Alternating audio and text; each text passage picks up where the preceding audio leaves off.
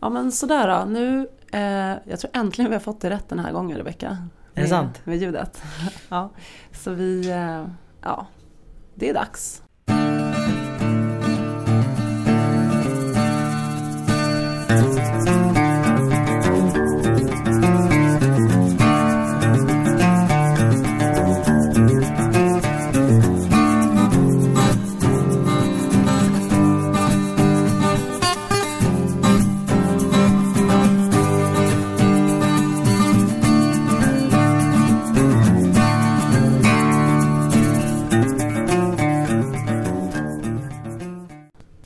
Roligt att vara här tillsammans igen. Ja, Det är ganska länge sedan vi spelade in ett avsnitt. Jättelänge sedan. Före sommaren eller? Ja, det var efter midsommar. ja. Ja. Jag, hade, jag har skrivit upp några, mm, några punkter. Ehm, Men först kanske vi ska säga hej och välkomna. Det kan vi göra. Ja. Hej och välkomna till podden som heter Präster med gäster med mig Anna-Fia Trollbäck och Mig, Rebecka Tudor. och vi är präster i Tyresö församling utanför Stockholm. Och eh, i Präster med gäster så bjuder vi in en gäst eh, som det låter men den gästen är ju sällan här i fysisk form utan det är ju någon som vi är intresserade av. Jag börjar skratta nu bara för att jag tänker på väsen. Ja, jag sa en gång att jag tänkte att vi kunde bjuda in ett väsen. Mm, Det tycker Rebecka fortfarande är jättekul. det tycker jag med. förlåt. Men det kommer uppenbara sig till slut. Mm.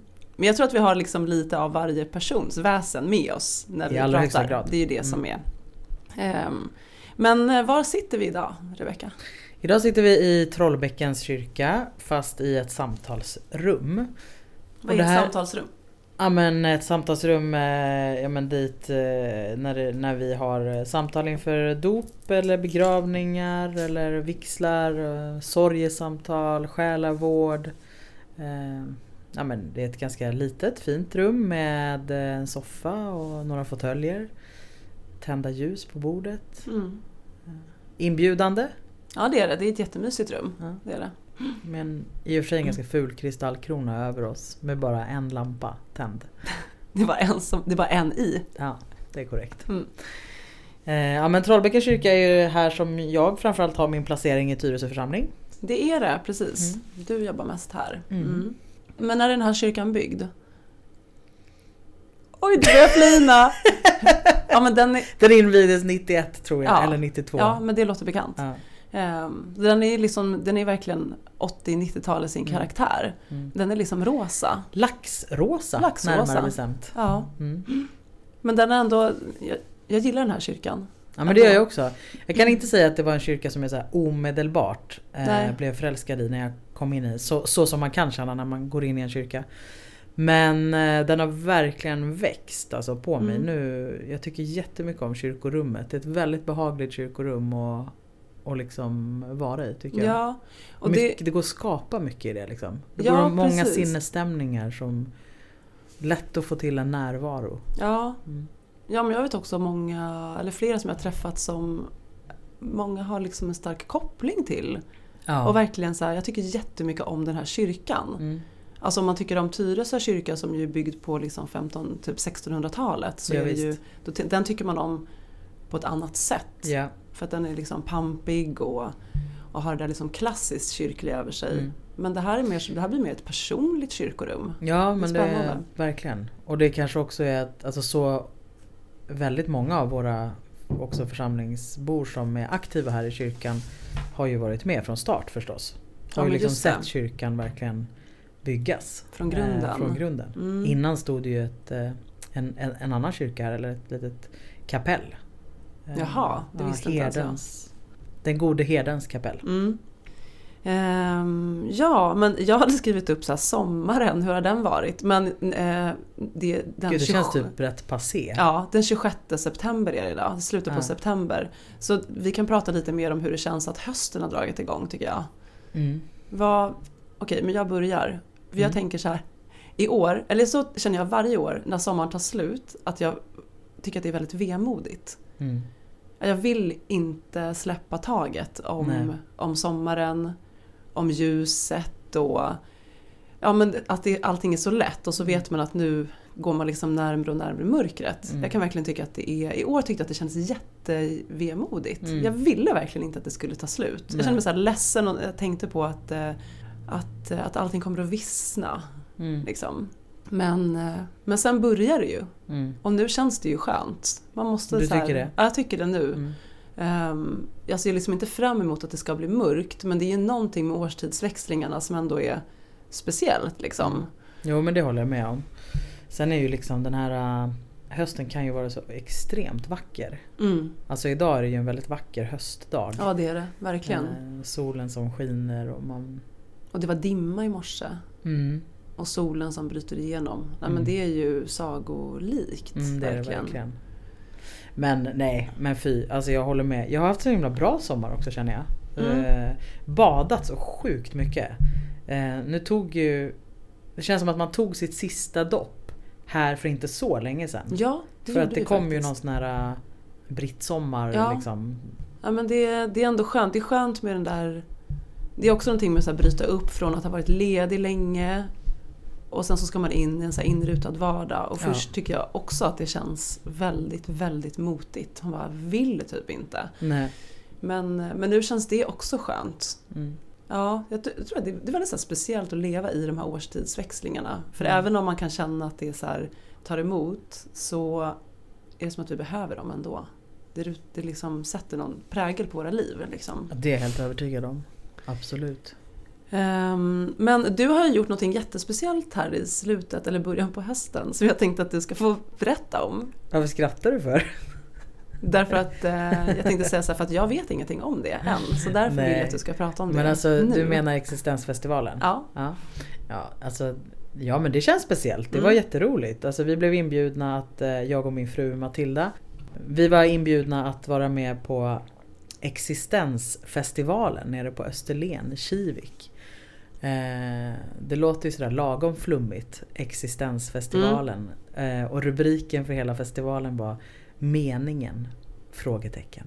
Frågetecknet var viktigt. Frågetecknet var Ja. viktigt. Härligt. Ehm, ja, nej men eh, och den, eh, det var en massa olika workshops, föreläsningar, eh, Och det var så himla himla fint ordnat. Det var Mm. verkligen helt fantastiskt. Och det, ja, men det var väl ett så här, alltså biljetterna var ju slutsålda men vad var det, 200 pers kanske? Liksom. Ja. Det är ändå ett ganska Men litet bor man ställe. där då? Eller åker Nej, man? folk Eller? bodde runt omkring så att det var inte, det är inte en festival som i att man tältade liksom. Nej. Eh, tänk dig mer eh, en, eh, alltså det var ju fler i, i mellan, men kanske 50 till 70 Mm. kanske var mer, eller 40 till 70. Ja. Alltså, ja. eh, mest kvinnor förstås, men även en hel del män. Mm. Ehm, underbara Emil Jensen var där och hade ett Ja. fantastiskt uppträdande. Men jag och min fru hur som helst, Mm. vi, fick, eh, vi blev inbjudna att hålla en workshop utifrån eh, ja, begreppet desire lines. Det var egentligen vi som fick komma på vad vi skulle ha vår workshop om. Ja. Men eh, och Matilda har ju skrivit en avhandling som heter Desire Lines. Eh, ja, inom media och kommunikation och genusvetenskap och queerforskning. Desire Lines har, vi liksom, har jag använt mig av också i liksom kyrkliga sammanhang för jag tycker att det är ett så himla vackert begrepp. Som kommer från landskapsarkitekturen och som handlar om de stigar som uppstår eh, för att vi helt enkelt eh, går där. Ja. Man kanske vill någonstans men det finns inte en utstakad väg eller liksom Men då börjar man gå och så till slut så uppstår det stigar. Det kan ju handla om genvägar förstås. Mm. Men det måste inte vara genvägar utan det kan vara att det är någonting som drar en och man vill liksom utforska någonting som man ser. Och så. Ja. Ja, någon tar första stegen och sen ofta fortsätter man liksom och så blir det en stig. Ja. Och det är desire lines. Och då pratade vi om det som Eller vi, liksom, vi började fundera på vilka desire lines Ja för underrubriken var om längtan som viker av. Ja. Eh, så vad har vi för olika liksom, desire lines inom oss? Eller vägar som vi kanske inte har utforskat. Mm. Eller lever vi liksom Ja Lever vi det liv som vi vill leva? Eh, ja, men vart är vi på väg? Är det dit vi vill? Mm. Men också ha ett queer-perspektiv på det. Ja. Vi tyckte det var kändes lite kul att så här, utmana ja, men så här, könsnorm, heteronorm, men, men inte bara förstås. Men, Nej. men också att vi tyckte att det kändes roligt att föra samman en liksom andlig queer workshop. Blev det. det är verkligen superspännande. Jag tänker att vi liksom bär på så mycket så här längtan och typ, eh, vad ska man säga, att det finns, att vi också har ehm, vi har liksom så många möjligheter inom oss. Jag Ja. tänker att varje människa liksom bär på liksom, alltså fantasi kanske, jag menar inte bara så sexuell fantasi, men fantasier om våra liv och vilka Ja. vi är och vad vi vill. Ehm, och ibland så tar vi de där Stegen. de där stegen på en ny stig. Och, plötsligt, och det ledde oss någonstans. Precis. Men ibland så gör vi ju inte det. Mm. Och vissa sådana val får vi ju alltid leva med att vi inte gjorde. Det. Och det är inte bara så här, jag gjorde inte den här resan utan Nej. mer alltså, djupare. Mm. Liksom. Alltså som verkligen tangerar det som ni... Och det är så himla spännande. Mm. Eller att gå med den där oförlösta längtan. Precis. Och bara, när ska jag våga? Mm. Liksom. Ja men det var precis det. Mm. Eh, det var jättespännande. Två timmar fick vi Mm. till förfogande. Och vi hade allt ifrån eh, att vi presenterade, pratade lite till eh, samtalsövningar, meditation, Ja. eh, skrivövningar. Men vi hann ganska mycket på två timmar. Wow. Det blev bra. Ja, Vi känner att vi ska försöka utveckla det här ännu mer. Ja, men alltså, det kommer bli värsta konceptet. Ja, Jag hoppas på det. Mm. Eller konceptet kanske Nej jag men inte okej, det hoppas lät på. lite... Det är alla... Nej, men Kommersiellt. Det, ja, nej, det Nej men det vore, roligt, Men- eh, det vore roligt att få pröva igen. Ja. Eh, För att jag tyckte det kändes meningsfullt. Ja, och jag alltså, menade mer att det finns så... Det finns så himla mycket i hela den så här andliga... Liksom på det andliga så smörgåsbordet som, är, som handlar om typ mening på olika sätt Mm. och som känns så... Som jag har väldigt svårt att ta till mig av. Mm. Och som bara blir någon slags självhjälps... Väldigt diffus, Mm. eh, luddig och som någonstans Ja men i slutändan handlar det om så här, ja om du inte gjorde det ena eller det andra så, ja men synd för dig, Mm. typ. Ehm, men ehm, bara om du tror tillräckligt mycket. Ja nej men det mycket, Mm. finns mycket kvasi liksom. Men det här känns väldigt, alltså tänk, jag kan verkligen tänka mig att det, så här, det berör en liksom Mm. ganska direkt. Mm. Ja men vi fick fint gensvar. Ja, Mm. ja coolt. Ehm, vi, vi ska, om, strax ska vi bjuda in vår eh, gäst. Och vår hemliga gäst. Vår hemliga gäst. Alltså nu måste vi faktiskt säga något om det. Vi är så roliga. Vi har ju typ i vart, typ vartenda avsnitt så har vi så här äh, dragit ut på att berätta vem vår hemliga gäst är. Ska vi till slut avslöja vem vår hemliga gäst är? Och sen så bara gick det upp för oss. Vad var det förra gången vi spelade Ja. intro? Efteråt bara Alltså Anna-Fia är vi helt dumma eller? Det står ju i rubriken vilken gästen är. Det är liksom, det är inte hemligt för någon. Nej. Och även fast vi har vetat om det varenda gång. Ja, så, Så är det vi som att vi ändå det. har gjort det. Ja. Nej, men, Och man kan eh, liksom inte ha, när man spelar in så här och man ska liksom lägga upp det så kan man ju inte ha att det är hemligt. Det Nej. måste liksom stå. ja. Men så att... Det skulle ehm, också vara lite patetiskt om det varenda gång så här, präster med gäster. Hemlig gäst. Ja men exakt. Varenda Ja, gång. då skulle typ ingen heller vilja lyssna. Nej. Ehm, precis, men det var ju bra att vi kom på det Mm. själva. Ja, det var bra.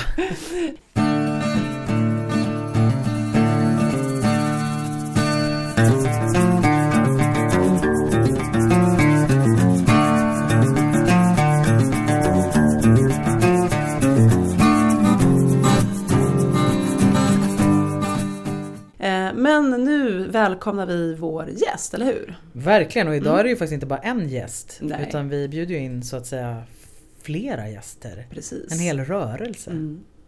Idag säger vi välkomna hit till beginerna.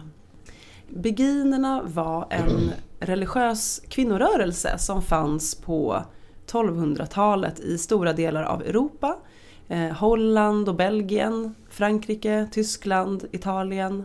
Beginerna bodde i beginhus, som de kallades, i städer och var ju ett slags kollektiv eller kommunitet. Det var kvinnor som ville leva ett religiöst liv utifrån egna kriterier och fria från familj och den institutionella kyrkan. Beginerna hade ingen grundare, ingen specifik ledare eh, och inga särskilda regler som gällde för alla beginer. Mer än att man levde liksom i avhållsamhet och enkelhet. det, jag har läst lite olika men typ Liège tror man att den typ kanske startades och spreds därifrån sen. Och jag läste på något ställe att man tror att så mycket som 15% av alla kvinnor i norra Tyskland och Frankrike var beguiner. 15 procent? Ja, det, eftersom att jag har ingen aning om hur många hur stor befolkningen var. Jag försökte ta reda på det. Hur många var 15 procent? Men Ja just det, det är ju... Ja. det är jättesvårt och eh, demografi på den tiden, eh, jag gav upp det ganska snabbt.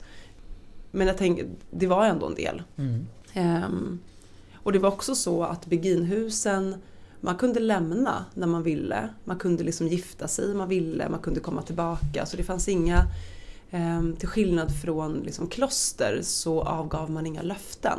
Utan man var liksom fri. Ja, men jag tänkte jag, jag stoppar där för jag tänker att vi kommer prata vidare om Mm. mycket annat. Men det första som slog mig när jag liksom lite så ramlade över beginerna eh, är ju att jag aldrig har hört talas om dem. Nej inte jag heller. Ehm, och när man läser om dem så framstår det som att de liksom verkligen har gjort, av, alltså de har gjort avtryck i historien Mm. men de nämns liksom inte själva. Och det tycker jag är, det är ju jätte, vet inte, intressant Ja. att det är så. Ja men verkligen och det var ju förstås det första som jag tänkte på också när man nu läste på mera och hittade så mycket att de är så här fet kvinnorörelse. Mm. Eh, och med så spännande liksom andlighet eller teologi. Och så har man inte, du och jag är ju ändå vi är präster i Svenska kyrkan, vi har gått en hel teologiutbildning, Ja. läst rätt mycket teologi, Mm. intresserade. Inte ett pip. Nej. Nej inte, så, inte som jag minns i alla fall. Jag ska inte helt svära att ingen har pratat om beginerna men jag, jag minns det inte. Och jag tror att jag hade, alltså det är så Det känns så pass speciell rörelse Mm. att jag skulle förvånas om jag inte skulle Ja. ha kommit ihåg det menar jag. Mm. Och vi var ju och såg en pjäs som ehm, Ja, bygger på um, Gunilla Thorgrens bok och som heter och Guds, boken heter Guds olydiga revben och pjäsen hade samma namn och Mm. den handlar ju om liksom ett kvinnligt perspektiv från Bibeln och liksom, ja, genom den kyrkliga historien Mm. eh, fram till, ja jag minns inte var hon Nej slutar. jag minns inte heller Nej. jag slutade. Eh, men, eh, men och, och hon skriver om beginerna också. Just det, ett inslag i föreställningen Mm. var ju eh, en av de beginner som vi också har läst om. Mm. För det är väl egentligen är det tre liksom riktigt, eller så här, som har blivit välkända. Eller ja, namn ja, liksom. precis. Säg du. Ja men Metzschild, Mm. Av Magdeburg. Margrit Porete Mm. och den tredje. Ja, Jag det fin- tre välkända, sen kommer jag bara på två. Nej men ett namn som jag har sett. Hadevich. Ja just det. Av Hadevich, Antwerpen. ja. Ja. Hadevich. Henne har jag inte läst mer om Nej, egentligen alls. i- inte jag heller. Hon Nej. nämndes bara i, Mm. egentligen i förbifarten. Men, men det som är intressant om man tänker så här, men hur uppkom beginerna? På 1100-talet så blev det, då ökade liksom kvinnoklostren typ explosionsartat. Och klosterväsendet öppnade också upp sig mot folket mer och inte bara mot liksom väldigt välbeställda familjer som kunde skicka sina döttrar till klostren. Ehm, utan det var, nå- det var någonting som öppnade upp liksom i stort. Mm. Så dels det, de religiösa liksom tankar som, som även nådde till, till liksom kvinnornas värld som inte hade gjort det tidigare.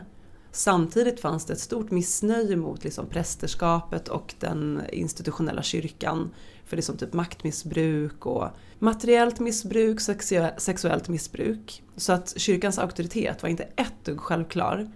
Och då, fanns det, och då uppstod alla de här kätterska rörelserna. Mm. Och mitt minne när jag pluggade var att när man läste om de här kätterska rörelserna Mm. så var det liksom i litteraturen lite så här, ja det var de här kätterska rörelserna som höll på med så mycket konstigheter. Ja. Att ändå det, att den normativa stora kyrkliga fåran var ändå den som ändå hela tiden har befunnit sig på rätta? rätt. Var rätt. Ja. Men beginerna var ju en del av de här kätterska rörelserna. Mm. Och jag tänker så här, att det måste ha funnits jättemånga kätterska rörelser som gjorde men beginerna var inte särskilt liksom, det är inte så att man höjer på ögonbrynen jättemycket. Nej, liksom. tvärtom nästan. Alltså jag menar på det sättet att eh, jag menar, det är ju rörelser som också som gör motstånd Mm. och som säger ifrån och som, och som går tillbaka till liksom, eh, ja, men som går tillbaka till källorna Ja. egentligen. Alltså det var ju hela grejen att gå tillbaka till liksom, vem var Jesus, hur levde Jesus sitt liv? Att det blev det som blev relevant. Ja, Att man ville leva som Jesus. precis. För Eh, det man såg, det som kyrkan gjorde var... var ju absolut inte det. nej, exakt. Så att eh, i allra högsta grad så Ja. Ja, men visst, och det ger ju en, en annan syn på vad, vad kättersk är. Mm. Och det är ju intressant. verkligen. Jag blir, jag blir lite så sur på vad, att... ehm, Alltså vad du har fått mer, alltså att, Ja. det, att det har pratats på det sättet. Ja men eller? faktiskt, Mm. att det är såhär, åh de var så knäppa. Liksom. Mm. Men jag tänker också typ när man läser, alltså den här boken, eh, Umberto Ecos bok rosens namn. Jag har faktiskt inte läst den. Nej men det är helt okej, men du har kanske sett filmen? Nej, Kanske inte, nej, det är också okej. helt okej. Det är, också, det är helt okej, det går bra. Men den handlar ju också... Jag tänker bara på röda vita rosen. Ja. Men det är inte den. Det är inte den. Det är inte den. Men, eh, nej, men den, handlar också, den handlar ju om det absurda i vad det var att vara kättersk. Att man liksom inte fick... Alltså att det här med skratt och skoj till och med var någonting som den institutionella kyrkan som man inte tyckte om. Just det. Alltså bara en sån sak. Jag bara kom att tänka på det. Men då är det inte så konstigt när de höll på med så mycket konstigheter att det växer upp rörelser som vill göra någonting annat och bara, men kan vi få göra det som Mm. vi vill leva på det här liksom, riktiga sättet och Mm. inte hålla på med allt det här andra. Ja, men det är jättespännande och det är också spännande i en tid när det här med så uppenbarelse blir vanligare och vanligare. Mm. Också hos kvinnor. Och att i och med att typ, klosterväsendet öppnade upp liksom, lite mer mot folket då blev det också Alltså bildningstraditionen började plötsligt tala till kvinnorna. Att plötsligt så kunde man så här, jag kan leva på ett annat sätt. Ja men visst. Jag kan få leva ett religiöst liv, ett andligt liv och då behöver jag inte vara underställd heller, alltså mannen och vad det också blir i det här fallet om man inte ingick i ett kloster, inte heller kyrkan. Så att man stod verkligen vid sidan av. Mm. Och det är jättespännande tycker jag.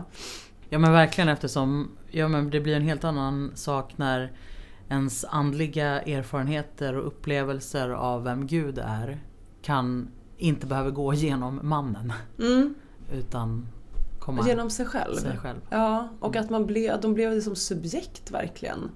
Och det var ju förstås en del också av den, det som var kätterskt. Mm, Eh, och kritiken, ja, eh, kritiken är väl i, i ett kanske milt uttryck kritik från kyrkan. Det var ju större än så. ja, Men att man eh, att, ja men i alla Matschild av Magdeburg, Magdeburg. Magdeburg Mm. också eh, ja, men skrev det här om att upp, ja, men just uppleva Gud och andlighet. Man behövde inte göra det ens via Bibeln eller sakramenten. Eller, utan det var verkligen någonting du kunde uppleva alldeles själv. Mm. Eh, alltså relationen mellan jag och Gud. Jag kom blev väldigt nära och blev då också typ intim. Verkligen. Från att verkligen bara vara någonting som, passer, som bara kan passera kanalen kyrkan Mm, och inte liksom människan själv. mm, Och det är ju, ehm, det måste varit som en, sådana aha-upplevelser mm. för, för alltså inte bara kvinnor såklart, men eftersom att man som kvinna också inte hade haft möjlighet på samma sätt heller. Nej men visst. Ehm, Att heller kunna leva liksom ett religiöst liv. Ehm, Men jag tycker också att det är spännande hur de liksom lyckas gå under radarn också Mm. så pass länge. Mm. Beginhusen kunde liksom öppnas upp, alltså de, de kunde byggas upp, de kunde etableras. Ehm, och kyrkan blir så här nervös och bara Hjälp, vad ska vi göra? Det här funkar inte. Vi... Det är för att de inte kan kontrollera Exakt. det. Mm. Och bara, det, hjälp, det finns inget manligt överhuvud. Så Mm. det först kom, det kom förbud och sen så till slut påven typ sa till slut att så här, nej men det går inte. Vi får öppna upp allt. Liksom. Det är ju tillåtet. Mm. Även utan manligt överhuvud. För att ändå ha kontroll över att det fanns. Exakt.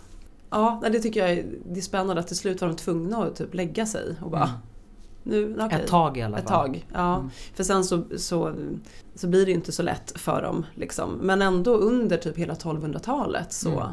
så, så blomstrar ju beginhusen. Ja. Eh, och beginerna sprids liksom. Och hade ju verkligen eh, folkets stöd Ja, eftersom de var så viktiga för samhället. just det. Det, var, det fanns ju platser där de verkligen ja, men var helt nödvändiga för ett helt samhälle. Och var ju som, helt, som små samhällen Mm. också som jag förstod det. Ja, och de kunde ju röra sig mycket friare än nunnorna. Mm. Och fanns ju i, beginhusen fanns ju i städerna. Mm. Och de typ, i och med att de inte var nunnor, Nej. eller ett nunnekloster, så kunde de ju bedriva handel. Mm. De bedrev ju vård, ehm, tog hand om liksom sjuka och fattiga prostituerade. Och blev ju verkligen som en sån, de fick ju typ till och med bidrag från städerna Ja men precis. där de var. Liksom. Nej, men det var ju mer som kvinnokollektiv Mm. eh, med, ett väldigt tydlig, ja, med en tydlig kallelse Mm. att följa Jesus. Ja, ja, det är verkligen jätte, det är jättehäftigt. Och det att- finns ju kvar beginhus också, även om det inte finns beginer Nej, kvar i, i den bemärkelsen som vi pratar om nu. Men det är ändå häftigt att det, ja, men man blir nyfiken på att åka till Amsterdam Ja, ja, och i Amsterdam. Belgien. ja, det var Eh, en stad som heter Gent. Gent ja. Ja. Jag tänker mig att det var som en liten stad i staden. ja, så föreställer jag mig det också. Ja. Att det fanns en slags mur runt de här liksom, beginhusen. Men det är också intressant att de är just så okända. Ehm, Men jag läste att en anledning till det var att det fanns många beginer i länder som... Förlåt, det är ständigt detta med mikrofonerna och Ja, det är ljudet. någonting med mikrofonerna. Jag har köpt jättedåliga stativ. Jag blir sur på att jag kommer bli tvungen att köpa nya som är bättre. I alla fall. I flera av länderna där beginerna var liksom starka är också länder som sen blev protestantiska. Just det. Ehm, Just och, det. ehm, och att de typ har på något vis blivit okända i historien också på grund av det. Då uppfattar jag det som att här, då sögs de upp i reformationen Mm. och blev liksom en del och såg som en del av hela, den reformato- alltså hela reformationen. Ja men precis. Mm. Jo men att de var som en eh, Alltså ett, ett förspel till reformationen. Mm, just det. Att de har sett som det i alla fall. Med kritiken mot kyrkan. Ja, precis. Men och det där, de måste ju retat gallfeber på kyrkan. De hade inga så ordensregler och de hade liksom ingen, eh, ingen gemensam organisation. De bara Nej. fanns överallt. Ja. Och gjorde massa saker och eh, folk tyckte de var bra. För Mm. adeln och eh, typ borgarna var ju ofta, eh, eller liksom borgerligheten var ju också kritisk till kyrkan. Som tyckte att de skulle inte hålla på med alla de här, att kyrkan höll på så mycket med så här, världsliga rikedomar. Gillade ju inte de. Nej. Så de stödde ju också i många fall beginerna, liksom Mm. stod på deras sida. Mer, ju mer jag läser om medeltiden, Mm. desto typ mer intressant blir den. Jag har haft en sån statisk bild av medeltiden. Mm. Hur har din bild av medeltiden varit? ja, nej men eh, åh vad ska jag svara på det? det eh, ja, men jag tror att vi nog har lite liknande eh, bild av det. Och det som man, jo men vi pratade lite i bilen på vägen hit ju om att man har tänkt att det, var, att, att den känslan man får nu är att det, var en, det fanns en mycket större frihet. Ja, Eh, precis. än vad man har föreställt sig och att det kanske snarare var tiden efter som blev så. Ja, men den har på något vis stängt in oss. Men jag tänker att den här statiska bilden, alltså, som jag har tänkt i alla fall, har varit mycket så här, ja men man visste ingenting. Så här, de hade ingen koll på hur saker och ting var utifrån typ ett vetenskapligt perspektiv. Men jag tänker att nej, men de visste inte riktigt hur allting funkade. Men de hade en helt annan närvaro, en helt annan känsla för världen. Alltså det här med uppenbarelser och... Mm. Alltså man var mycket närmre Mm. det andliga. För sen så kläs ju liksom det andliga av Mm. på något vis och plockas ner och man liksom ehm, den här liksom, ja men just att man klär av på något vis religionen mer och mer för varje århundrade som går. Mm. Liksom, ehm, tills att vi blir sekulära. Ja. En avförtrollning liksom, Mm. som, som börjar sen. Mm. Men det är någonting väldigt spännande med när världen, då var den verkligen förtrollad. Eh, och då tänker jag att man stod också närmre Mm. någonting Mm. som vi ehm, har ett stort avstånd till idag. Mm. Men som vi längtar efter. Mm. Liksom. Vad var det du fastnade för mest när du började läsa om beginerna? Till att börja med var det ju bara själva existensen. Mm. Alla kvinnor som levde tillsammans och levde på sitt sätt. Och att de verkligen kunde göra det. Mm. Det tyckte jag var jätte... Det slogs jag av först. Mm.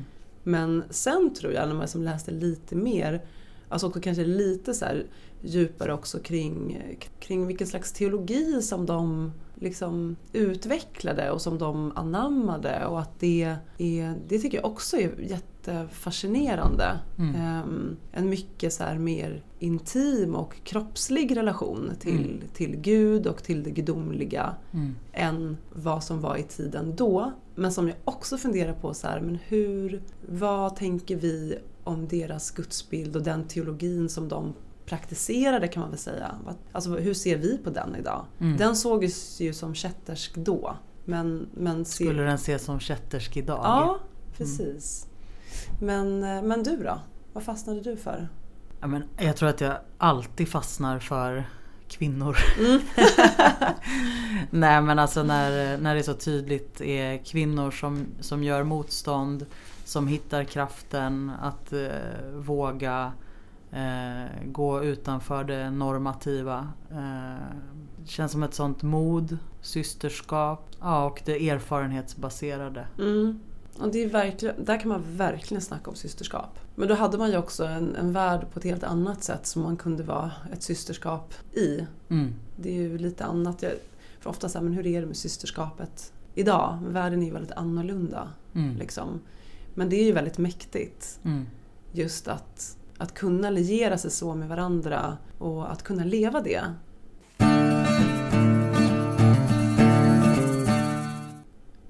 Till slut så man liksom kyrkan kringskar beginnernas liv mer och mer. De förföljdes eh, mer och mer. Och sen så till slut så tvingade man dem att liksom gå in under någon klosterorder. Och då så valde man ju, man valde väl uteslutande liksom franciskaner och dominikaner som hade sina fattigdomsideal. Men en så spännande grej är ju att det var de här tiggarmunkarna som förmedlade, det var typ som kunskapsförmedlare till dem. Just det. Och det här med folk, det här med språket. Just det. Ja, det är en grej som verkligen är Mm. superintressant. Eh, att det andliga språket var ju latin. Mm. Du får komma med så inpass nu när jag, Mm. om jag glömmer bort. Men då när de här munkarna kom så kunde de ju prata och ha samtal och på folkspråk såklart. Och att beginnerna sen skrev själva på folkspråk. Ja. Och det var helt nytt och det var typ förbjudet. Ja. Man fick inte det. Ehm, så det var ju bara det var ett uppror i sig. Mm. Eh, Och vad jag förstår som så har latinet i sig, det handlar om mycket distans mellan orden, alltså att det är ett språk som inte är så Sinnligt. sinnligt, tack. Ehm, Men när man använde folkspråket så blev det någonting helt, så blev det det. Det blir närmre liksom. Det blev närmre, Mm. ja. Eh, Och det gjorde de. Mm. Och då hände det också någonting Mm. med relationen. Också den här eh, den teologin som de och den andligheten som de, som de levde i blev ju ännu mer intim. Liksom. Ja men precis och det, det känns ju som att vi ja, men, kommer kanske in på men den här, det här intima, Mm. alltså kärleksförhållandet med Gud. Gud Mm. som en älskare. Eh, mer än bara en älskad. Mm. Ja men precis, beginnerna pratade om en kärleksförening med det gudomliga. Alltså typ som att Gud och människa smälter samman. Och det sågs ju som kätterskt. Så fick man liksom inte prata om Gud. Och inte om erfarenheter, som du sa också. Ehm, utan det var ju sådana där de verkligen gick på gränsen. Det sågs ju som kätterskt, men det var ju verkligen... Så fick man inte Mm. erfara, prata om Gud. Mm, du ska säga något. Ja, Mm. nej men det var tillbaka till det där med språket. Mm. Men det är nästan så att jag skulle vilja läsa Ja, vad. Jonna Bornemark skriver i sin bok Kroppslighetens mystik. Mm. Okej, får jag läsa? Ja, gör det är ett lite längre stycke. Mm. Men ja, då är det Wendy Harding som är litteraturvetare. Har i sin text om den engelska mystikern Margaret Kempe påpekat att den talspråkliga visionära traditionen hade en närmare relation till en levande erfarenhet. Till sinnlighet och affektiv association. Hon menar att skriftspråket skapar en gemenskap bortom kropparna och därför prioriterar förnuftet och fungerar bra för att till exempel ge de som inte är närvarande instruktioner. En muntlig tradition däremot utgår från närvarande kroppar och inkluderar känslomässiga uttryck som snyftningar. När relationen till Gud utvecklades i dessa båda traditioner tenderade en skriftspråklig tradition att förstå guden som en metafysisk makt endast tillgänglig för förnuftets undersökningar medan en mer muntligt präglad tradition i högre grad kunde ge plats för kroppslighet, sinnlighet och Gud som dialogpartner. Jag tycker det är superspännande. Det är jättespännande. Det tangerar ju, jag tänker på Mother Ann bara sådär för jag har en snabb association som vi Mm. har pratat om tidigare. Um, Shaker-rörelsens grundare. Just det. Just det liksom fysiska, Mm. att, ehm, att man upplever det i, i kroppen och att det Mm. händer något, det blir något um, jag har sagt det ordet, men det blir någonting helt annat. Jag vet inte vilket ord jag ska använda. Men att det och samtidigt den andra beskrivningen av eh, liksom en skriftreligion, eller liksom den skriftliga varianten är ju det som vi lever väldigt mycket i. Visst. Alltså vi pratar väldigt mycket om annat. Alltså det är så Mm. svårt. Vi lever så himla mycket i hjärnan. Mm. Jag blir typ... För jag känner direkt att jag börjar så här längta när jag läser om att erfara. Mm. Ehm, och att man vet ju när man har gjort det, Mm. tänker jag. Men att det... ehm, men vi är så himla mycket i huvudet Verkligen. fortfarande. Mm. Det var liksom det spåret som blev det normativa spåret. Mm. Också för vår religion. Liksom. Ehm, även om det har pratats om det andra, tänker jag, vid sidan av hela tiden. Och att det är det som är de, de mystika rörelserna, är ju det andra. Mm. Men jag tänker också på oss som, apropå att, att eh, erfara Gud och det mystika och det heliga. Så har ju vi i, som lever där vi lever ofta en väldigt nära relation till naturen. Mm. Och det kan ju, tycker jag ibland så här, kan så här, man, man skrattar lite åt liksom oss svenskar som upplever det heliga i naturen. Mm. Eh, men, men det har ju förstås alltid funnits och det är ju klart att vi upplever Gud i naturen. Ja. Det är ju inget fult. Nej. Det är ju något fantastiskt. Eh, och ingenting som bara ska liksom skojas bort eller något. Och går ju dessutom tillbaka eh, i, förstås i alla tider. Ja, människor har tröskat runt i skogarna liksom. Ja, I generation efter generation efter Ja. generation. Och liksom upplevt, varit nära naturen. ja. Nej, det är verkligen inte Och konstigt. det är ju att använda hela, alla sina sinnen. Ja, alltså det. att kunna liksom eh, känna Gud, lukta på Gud, smaka på Gud. Mm. Eh, för att allt liv är ju Gud. Ja, exakt. Eh, ja men du vet ju att jag eh, är en del av liksom det, det ignatianska nätverket i, i Stockholms stift. Mm. Och där jag är i, i relation till Ignatius och andlig vägledning och får verkligen med mig liksom metoder, och, eller metod, jo men metoder. För att ja, men i allra högsta grad uppleva liksom vem Gud är genom alla sinnen. Mm. Eh, det är massa övningar som, som går ut på att just ja, Mm. känna, smaka, lukta, Ja. ta på. Eh, ja, men jag går ju också jag går ju en kurs i som heter Med kroppen som redskap. ja men just det. Och det, vi är ju bara kvinnor i Mm. den gruppen. Ehm, Ja, vi använder oss av kroppen liksom när vi, de här kursdagarna från 9 till 4. Mm. Ehm, olika övningar. Och det är väldigt... det, ja, det är ju spännande vad som händer när man Mm. får lämna huvudet.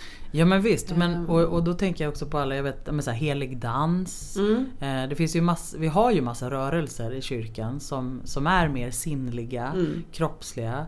Eh, det som skulle liksom kunna kallas för liksom mer kvinnliga. Eh, och de har ju en tendens att ofta förlöjligas. Ja, verkligen. Det flinas ju åt det. Det flinas Mm. åt det och det är inte alls liksom... Är det det som är så här, är det, är det så vi betraktar det som kätterskt idag? Man så flinar och förlöjligar och liksom Mm, bara så här tittar på dem. Liksom, det är inte på riktigt. nej. Nej, det är liksom eh, fultro och fintro. Ja, verkligen. Ja, det är väldigt tydligt att det finns. Mm. Uh. ja, och samtidigt, och då är det spännande att bara koppla tillbaka till beginnerna att det som de ville, det var ju att leva som Jesus gjorde. Ja. Enkelt, nära människor, eh, kunna hjälpa andra människor Mm. och leva nära Gud. Mm. Och det var så provocerande Mm. för den tiden. Ja men visst. Mm. Och så himla okätterskt. Ja, Tycker så jag. himla okätterskt. Ja men så nära ja. eh, det som blir på riktigt. Och det är väl det som gör, apropå frågan vad det är som gör att man går igång på det här och varför blir man Varför tycker man att det är så spännande att läsa om beginerna? Det är väl också för att det förstås tilltalar en själv så Ja. mycket. Och en igenkänning. Mm.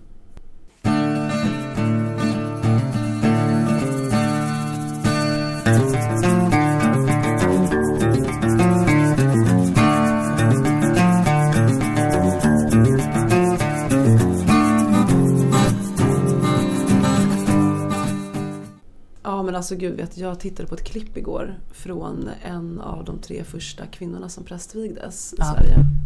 Som hette Ingrid eh, Persson tror jag. Mm. apropå att känna igen sig.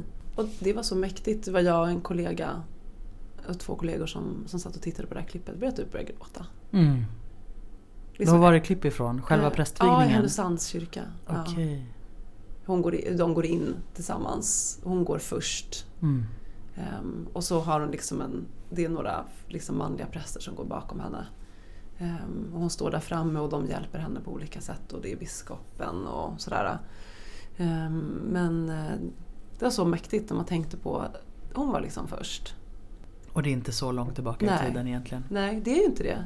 Och på andra håll i, i Sverige så, så var det motståndarna då, vet du vad de gjorde? Nej. De hade liksom flaggan på halvstång. Åh herregud. Men alltså det är så sjukt. Mm. Då sa man så här, det här är en dödens dag. Alltså hur kunde det vara så hemskt? Mm. Alltså det är ju... Hur kan man göra så mot någon? Alltså jag tycker det är Mm. så sjukt. Alltså det ligger ju där, alltså det sipprar ju genom historien. Det är det som är spännande också tycker jag med att läsa till exempel om beginerna eller, och, och de kvinnorna som vi har fördjupat oss i Mm. hittills. Att, att den där igenkänningen finns ju där någonstans hos varje, alltså någonting. Mm. Liksom. Även om det inte är så här, åh jag är jättelik eh, Mother Anne eller jag är Mm. jättelik Hildegard av Bingen eller så. Men det är någonting som, det slår an någonting. Mm. Eh, någonting verkligen på djupet. Mm. Och att nu är det vi som är liksom längst fram. Mm. Alltså nu är det vi som är i nuet. Mm. Ehm, och vi har alla de här liksom, kvinnorna och de eh, ödena och de liven liksom Mm. ligger i oss. Jag vet att jag, jag följer några så roliga konton på Instagram Mm. och ehm, som har med så här eh, kvinnor och häxor och sånt här att göra. Och, ehm, och då ibland så kommer det här citatet upp så här, typ jag är dotter till en av de häxorna som du aldrig lyckades bränna. Mm. Mm. Ehm, Men det är så coolt tycker jag. Eh, det ligger någonting i det. Mm. Att man bara, ja Sant. det är sant. Mm. Liksom. Mm. Och att det är någonting så oerhört aggressivt i alltså att man brände, det var inte bara kvinnor som brändes på bål heller men ändå alltså att det för Mm. sin tros skull. Liksom. Och sen har ju människor plågats genom hela historien av, Mm. av liksom det såklart och blivit utsatta på olika sätt men det Ja, jag svävade iväg dit. Ja men, eh, eller vill du säga? Nej, eh, jag tänkte så att eh, kör du. Nej men jag tänkte det om att, att beginrörelsen ju faktiskt först eh, såg som något positivt. Mm. Eh, också från kyrkans håll. Ja. Och att man till och med såg beginrörelsen som en eh, för, vad säger man? ja, men som ett nytt ideal. Ja, Ett nytt ideal, tack. så här, vid sidan av eh, vad liksom storkyrkan höll på med. Så Ja, var det säkert så här, wow, Ja. kolla Ja. de lever som Jesus Precis. levde. Det vi läser om i Bibeln, typ. så exakt. lever de. Och, och att det också fanns en kritik mot prästerskapet.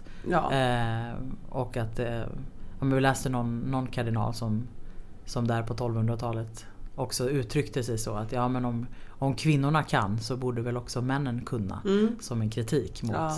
ändå eh, prästerskapet. Men till slut så blev väl den där kritiken alldeles för stor och sårbart för prästerskapet. Ja. Att så här, hur ska vi hantera den här rörelsen egentligen? Hur Eh, lever vi? Och hur, exakt, hur lever vi? Man får syn kanske Ja. på På sig själv. Eh, Mm.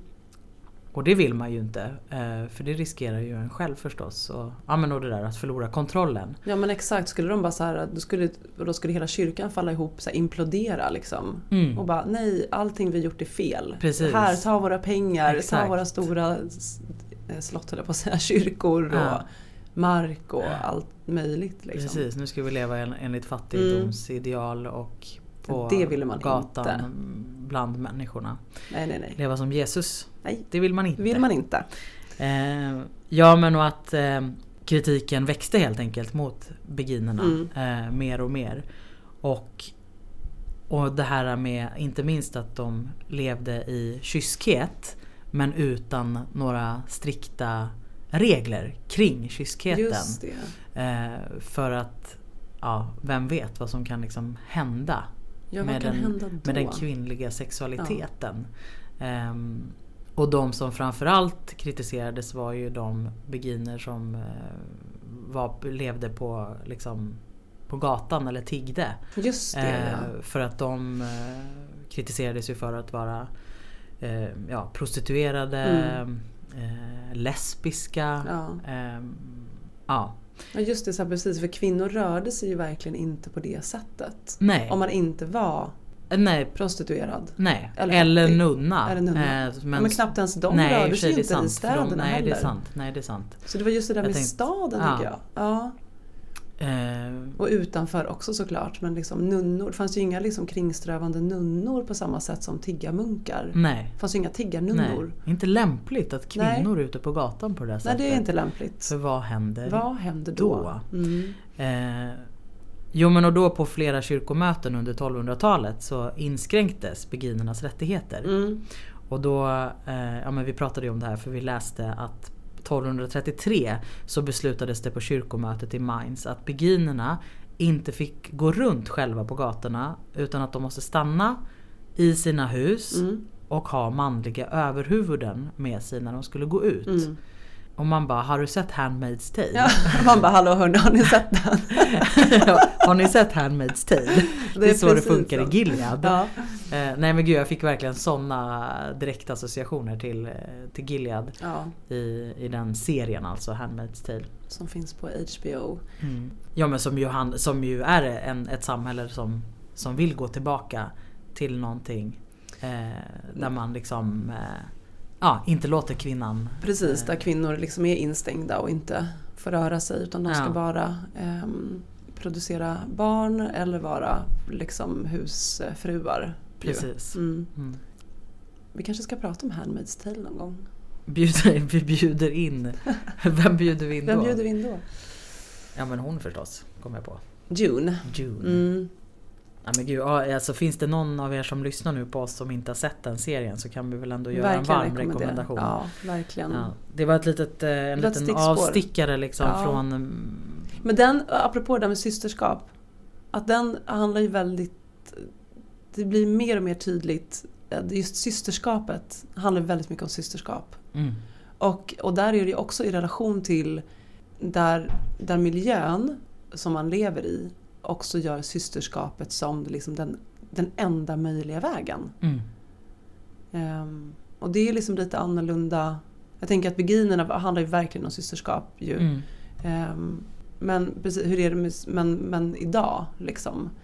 Men idag lever vi, alltså vi sa ju det förut, alltså vi lever i en annan tid. Men där vi är liksom inte beroende av varandra på samma sätt. Tror vi i alla Mm. fall. Fast det kanske inte ens är så. Vi kanske är allra, högsta grad beroende. ja, Mm. borde vara, förstå att vi är beroende av Oh, ja. varandra. Liksom. Mm. Ehm, man måste inte leva i, i kollektiv för det kanske. Eller så kanske Eller så. man eller så kanske det är det man borde göra. Ja. Ehm, men, men jo, just det, vi pratade om det också, det här med att ehm, och det är ju spännande med medeltiden att, att under medeltiden så, så växer, ehm, vad heter det, ja men vi liksom, människan får liksom syn på, sig, själv. Mm. Individen blir, Blir plötsligt viktig. ja, Mm. och får ta plötsligt form. Mm.